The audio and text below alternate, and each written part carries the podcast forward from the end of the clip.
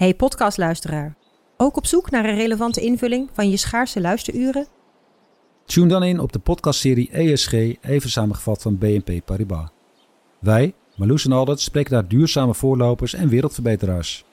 Waarover dan? Nou, bijvoorbeeld of we ooit duurzaam kunnen gaan vliegen. En waarom koeien in de stad nou een goed idee is? Dat en meer elke twee weken in een nieuwe aflevering. Dus abonneer je. ESG, even samengevat. Al 125 jaar kwaliteit voor jou thuis met Miele. Dat vieren we met jou. Ontvang nu tijdelijk een cashback tot 125 euro op veel Miele-apparatuur. Geniet van de kwaliteit van Miele. Voor perfect verzorgd wasgoed en kleding die veel langer mooi blijft. Voor een stralend schone vaat, even perfect als jouw diners. En een stofvrij thuis waarin echt hygiënisch schoon de standaard is. Check miele.nl voor alle feestelijke aanbiedingen. Vanaf de redactie van NRC het verhaal van vandaag. Mijn naam is Thomas Ruip.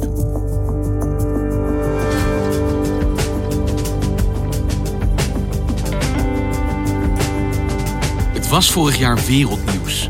Schrijfster Mira Fiticu stuitte in Roemenië op een gestolen, verloren gewaande Picasso. Maar nu, een jaar later, ziet haar leven er heel anders uit. Fiticu is haar baan kwijt, haar huis, vrienden is ze uit het oog verloren. Allemaal het gevolg van die ene onthulling: dat die Picasso is vervalst.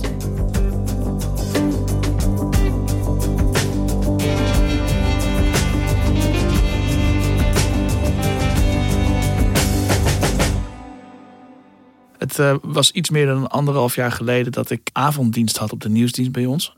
Sjoerd Klumpenaar is plaatsvervangend chef van de nieuwsdienst van de NRC. Onze nieuwsdienst is zeven dagen per week, uh, praktisch 24 uur per dag bezig om het nieuws in de gaten te houden wat er in de wereld gebeurt.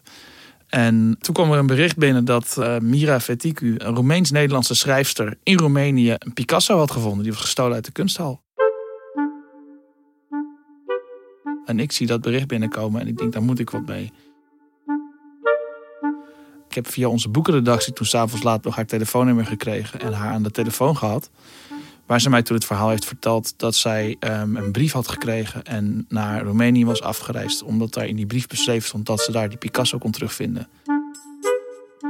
De tekst is geschreven op een A4'tje met twee uh, beelden, twee fotootjes geplakt.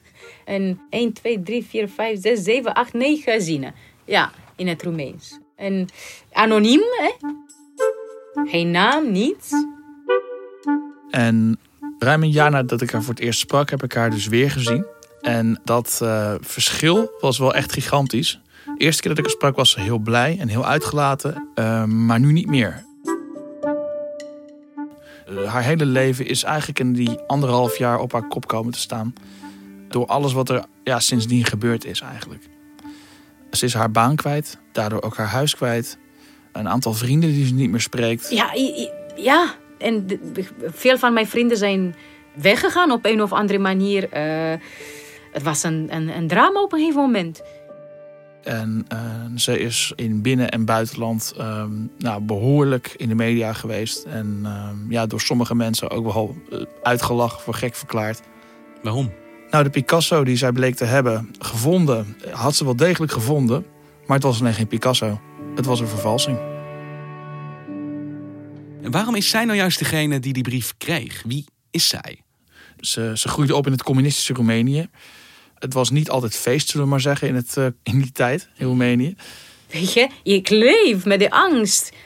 Ja, wat de Roemeense militie kon doen. Weet je, het is 30 jaar na de val van de muur. Toch, ik heb het communisme meegemaakt. Het zit in mijn systeem, zo'n angst. Ze is journalist geworden, ze is afgestudeerd in literatuur. En als journalist is, heeft ze een aantal jaar gewerkt in Boekarest. En uh, op een gegeven moment kreeg ze met een Nederlandse man een kind. Toen is ze naar Nederland verhuisd. En um, is zij begonnen met de taal goed te leren. En ze is, uh, dat heeft ze nou bijzonder knap gedaan. Want ze schrijft nu ook in het Nederlands uh, schrijft zij boeken. En in 2012 was er in Rotterdam een vrij ja, beruchte kunstroof, kan ik wel zeggen. Goedemorgen.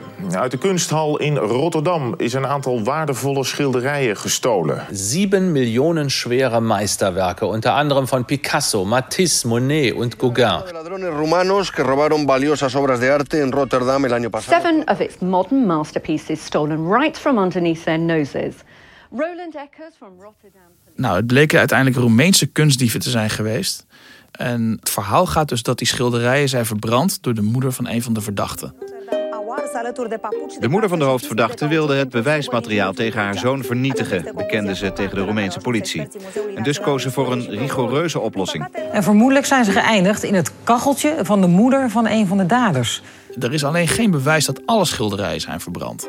Sommige wel, tenminste dat wordt nu aangenomen dat de resten die zijn gevonden, olieverf, dat dat van die schilderijen is. Maar het werk van de Picasso, dat is van op karton gemaakt met pastelverf. En dat laat geen sporen achter als je het verbrandt. Maar het was maar zeer de vraag of een van die schilderijen of die Picasso ooit nog zou opduiken. Ja. En een van die dieven, die verdachte toen nog, was een vrouw, was de enige vrouw. Die interesseerde haar. En zij is toen een boek gaan schrijven, een roman gaan schrijven, eigenlijk gebaseerd op het verhaal van die kunstroof, op dat ene vrouwelijke personage. En zij denkt dat die briefschrijvers uiteindelijk eh, vanwege die roman bij haar terecht zijn gekomen. En eh, toen in één keer was daar dus een brief waarin stond dat de Picasso er nog was. En dat hij ergens begraven lag in Roemenië, omdat degene die hem bewaarde er vanaf wilde. Nu mai vreau să mai păzesc l'Arlequin de Picasso. Ik wil Historia asta s-a terminat. L'Arlequin de Picasso niet meer beschermen. Het verhaal moet stoppen. Het geeft Ik kan het niet meer aan, het verhaal moet stoppen. Eh, je kunt hem op deze en deze plek vinden. Twee kleine plaatjes zitten erbij geplakt eh, met, een, met fotootjes van een boom. En in die brief staan ook allemaal instructies van als je bij deze boom, bij, bij deze steen bent, zet 300 stappen naar het oosten of, of loop daar en dat paadje in. En uiteindelijk kom je uit bij een boom. Daar ligt hij begraven. Zeg bijna een soort schatkaart van dit is de locatie, ik ga daarheen. Eigenlijk wel. Eigenlijk een soort schatkaart. En wat doet zij op het moment dat ze die brief krijgt en gelezen heeft? Ze belt de Rotterdamse politie naar de, ja, degene die vroeger het onderzoek leidde naar de, eh, de roof op de kunsthal. Ik kreeg hem te pakken en ik, ik zei: Meneer, ik heb een brief gekregen. Het is een beetje gek, maar er staat iets over het schilderij. Ja, nou, de rechercheur zei: eh, Oké, ik ga je terugbellen en we maken een afspraak. Dus ik wil gewoon langskomen. En, en vervolgens komt er alleen niemand. Dus ja, dan, dan besluit ze dus maar ehm, uiteindelijk om zelf te gaan.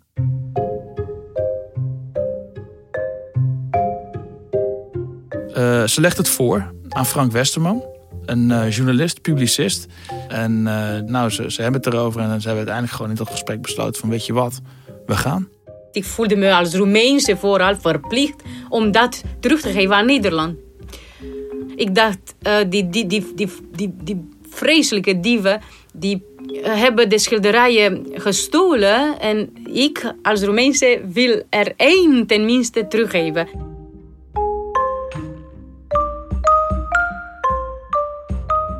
En ja, we zaten in het vliegtuig en we keken naar elkaar. Ja, eh, dus we gaan. Hè? Ja, we zaten daar, dus ja, je kon niet meer terug. En ze gaan uiteindelijk met de auto, halen ze scheppen en, en een soort van, van satéprikker eigenlijk die je normaal gesproken op de barbecue gebruikt. En met hun satéprikker en hun eh, scheppen gaan ze naar het bos toe, waar de plek waar het eh, volgens de brief begraven zou moeten liggen. Ze lopen naar die boom toe waar in die brief genoemd wordt. En daar ligt inderdaad, net als in de brief, een steen bij. Dus ze beginnen onder die boom een beetje te prikken met die satéprikker. En ja, ze hebben al best wel snel stuiten ze op een in plastic gewikkeld pakketje. En dat is het. En dat moment dat ze het vinden, hebben ze gefilmd met hun mobiele telefoon.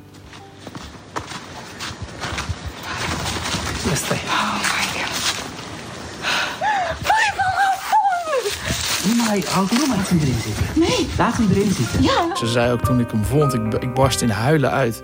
Hysterisch staan snikken daar, want ik had hem. Ik kon hem teruggeven aan Nederland. Het heet Ted de het is het gezicht van een, van een clown, van Harlequin eigenlijk. En eh, het is een beetje schotscheef getekend. Typisch Picasso.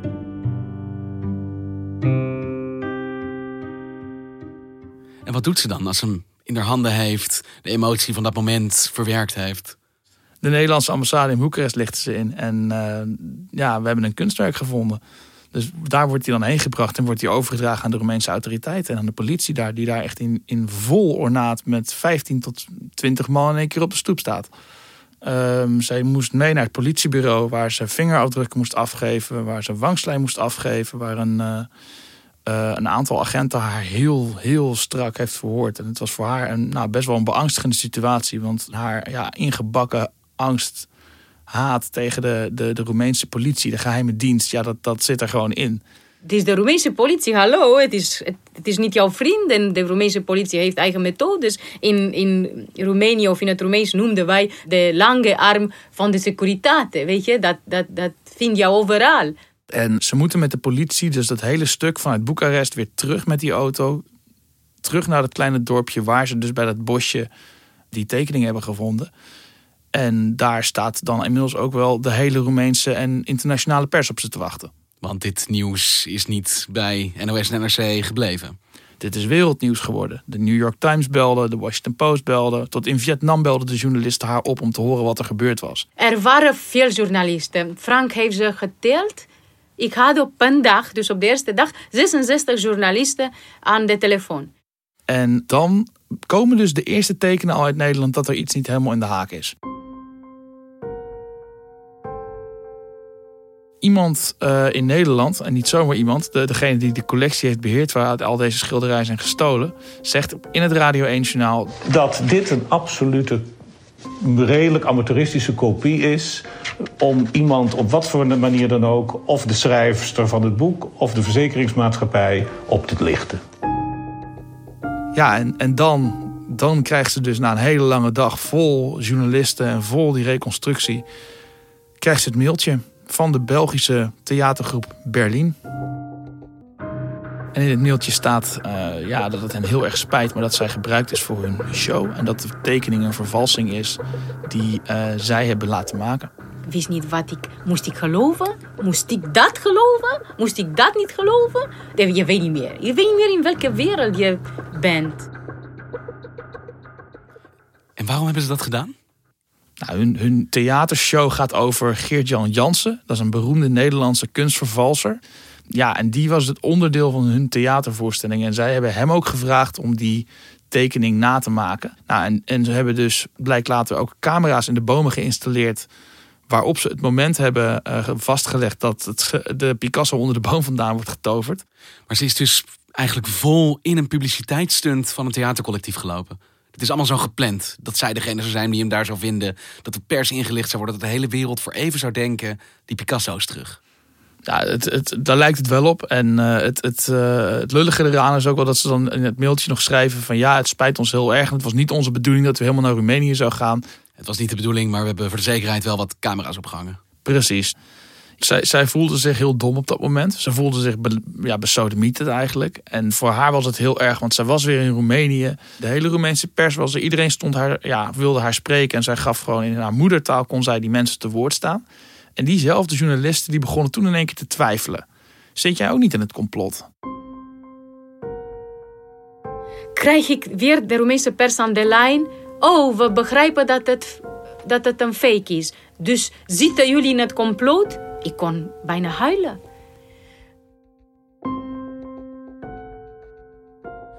Van een afstandje is het gevoel misschien ook een beetje dubbel. Want aan de ene kant kan je zeggen, dit is natuurlijk een prachtig georchestreerde grap. Met ook nog eens heel veel succes. Want nou ja, de hele wereldpers heeft het ineens over die voorstelling. Maar tegelijkertijd ja, vraag ik me af hoe het voor haar is om het onderwerp te zijn van deze hoax. Kan zij er inmiddels om lachen wat er gebeurd is? Nou, voor haar was het nooit een goede grap, want zij wist niet dat zoiets als een, een hoax bestond. Waar zij vandaan komt, zei ze, daar hadden we dit soort dingen niet. Met een geheime dienst die uh, om ook een verkeerd uitgelegde grap gewoon uh, ja, kon oppakken en je kon martelen. Want dat gebeurde vroeger in Roemenië. Ja, dat, dat risico nam je gewoon niet. En je wilt geen anderen in gevaar brengen eigenlijk. En daardoor is het voor haar nooit een grap geweest. Zij heeft altijd gewoon gezien als een, als een serieus iets. En toen het ja, niet serieus bleek te zijn, ja, toen zei ze gewoon, ik ben opgelicht. En uiteindelijk, nou, terug in Nederland is ze naar, um, ja goed, uiteindelijk is ze nog in de Wereldrijd Door is ze nog gezeten om het erover te hebben. Goedenavond, dit is de Wereld Daardoor van maandag 19 november. Diewertje is mijn tafeldame. Eerste onderwerp, daar zitten ze. Twee mensen gingen naar Roemenië. Vol verwachting klopt ons hart, want er was een tip binnengekomen dat daar... Nou, ook een hoop bekendheid er dan weer bij. Uh, en ja, haar uh, werkgever op dat moment was daar niet blij mee. Ze, ze uiteindelijk is de baan verloren omdat de werkgever vond dat ze niet had moeten gaan. En uh, dat, het, dat het belachelijk, zich belachelijk heeft gemaakt. Mijn leven is veranderd. We moesten het huis verkopen. Ik heb geen baan meer. Ik ben freelancer geworden. Dit hele avontuur heeft het leven wel echt op de kop gezet. Nou, tot de dag van vandaag wel echt bezig. Ik vraag me af hoe goed die jongetjes slapen. Heb ik hen gevraagd om zo'n grap met mij uh, uit te halen? Uh, nee. Je leven wordt veranderd door twee vreemde mensen. Ja, dat Mira nog steeds hier niet om kan lachen, snap ik natuurlijk ergens wel. Ze heeft het middelpunt van de wereldbelangstelling gestaan, geclaimd dat ze een Picasso had die geen Picasso bleek te zijn. Maar tegelijkertijd zag ik dat in onze eigen krant die voorstelling, True Copy, een vijf ballen kreeg. En eigenlijk als een soort van meesterwerk werd onthaald. En ja, dat die actie misschien in, in de context van die kunst wel degelijk zinnig is geweest. En dat roept bij mij een beetje de vraag op van hoe ver mag je gaan voor de kunst? Ja, dat vind ik ook heel interessant. Ik, ik heb die recensie ook gelezen van, van Joyce Roodnat. En um, ja, ik, uh, ik, ik had mezelf ook wel die vraag eigenlijk. Ja, hoe ver mag je gaan voor de kunst? Heel ver, denk ik. Ik heb geen vijf ballen gegeven voor een grap. Ik heb vijf ballen gegeven in een recensie over een theatervoorstelling die ik echt geweldig vond. En ik heb zelfs geschreven dat die mevrouw Mira trots moet zijn dat ze deel uitmaakt van deze geweldige voorstelling. Want dat vind ik. Het gaat over waarom mensen zich door kunstvervalsingen zo graag laten belazeren. Want het heeft twee kanten: de kunstvervalser, maar ook degene die belazerd wordt. Iedereen wil graag belazerd worden. Je wil dat iets waar is. Daar gaat het over. Ik kan me voorstellen dat je jezelf heel erg schaamt dat dat gebeurt. Dat hoeft ze niet te doen.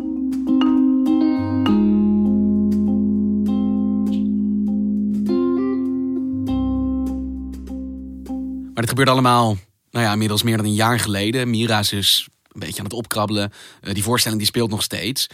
Maar is er intussen iets duidelijk geworden wat er nou met die echte Picasso gebeurd zou kunnen zijn? We weten niet zeker wat ermee gebeurd is. Hè? Misschien is het wel verbrand, maar misschien ook niet. Um, bekende onderzoeker naar gestolen kunst, Arthur Brandt, die beweert dus, of tenminste dat beweerde die in 2018, dat de Picasso in kwestie bij een bekende Nederlander aan de muur hangt. Hoe komt hij daarbij? Nou, voor wie Arthur Brandt niet kent, het is een eh, man met uh, een fantastisch netwerk aan bronnen die van alles weten over gestolen kunst. En hij heeft daadwerkelijk best een hele hoop gestolen kunst al boven water gehaald. En hij zegt dat zijn bronnen hem vertellen dat die Picasso bij iemand aan de muur hangt. En dat diegene in ja, staat van wanhoop verkeert, omdat hij niet weet wat hij ermee aan moet. En die vervalsing, die natuurlijk het onderwerp van dit toneelstuk was, de tekening die ze uit de grond heeft getrokken, wat is daar nou uiteindelijk mee gebeurd? Nou, die heeft ze dus overgedragen aan de Roemeense autoriteiten en die hebben dat, uh, nou, het werkt nog steeds. Uh, ja, en ze, ze willen hem heel graag terug. Uh, maar tot op heden willen de Roemeense autoriteiten er niet aan meewerken. Ik denk dat het schilderij van mij is. Ik heb hem gevonden. En ik wil hem heel graag hebben. Het heeft voor mij veel emotionele waarde. Ik wil hem graag aan mijn kleinkinderen laten zien. Dit is hem. Dankjewel, Sjoerd. Graag gedaan, Thomas. Je luisterde naar Vandaag, een podcast van NRC. Eén verhaal, elke dag. En heel graag zou ik vandaag jou iets willen vragen. Op onze redactie bespreken we elke ochtend om half tien stipt wat we vonden van de aflevering. En dat kan er soms best hard aan toe gaan. Maar veel liever horen we van jou wat jij vindt van onze podcast.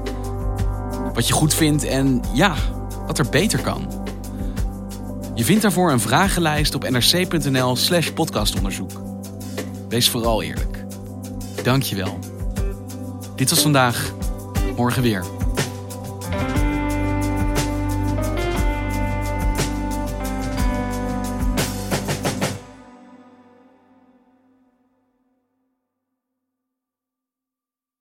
Technologie lijkt tegenwoordig het antwoord op iedere uitdaging.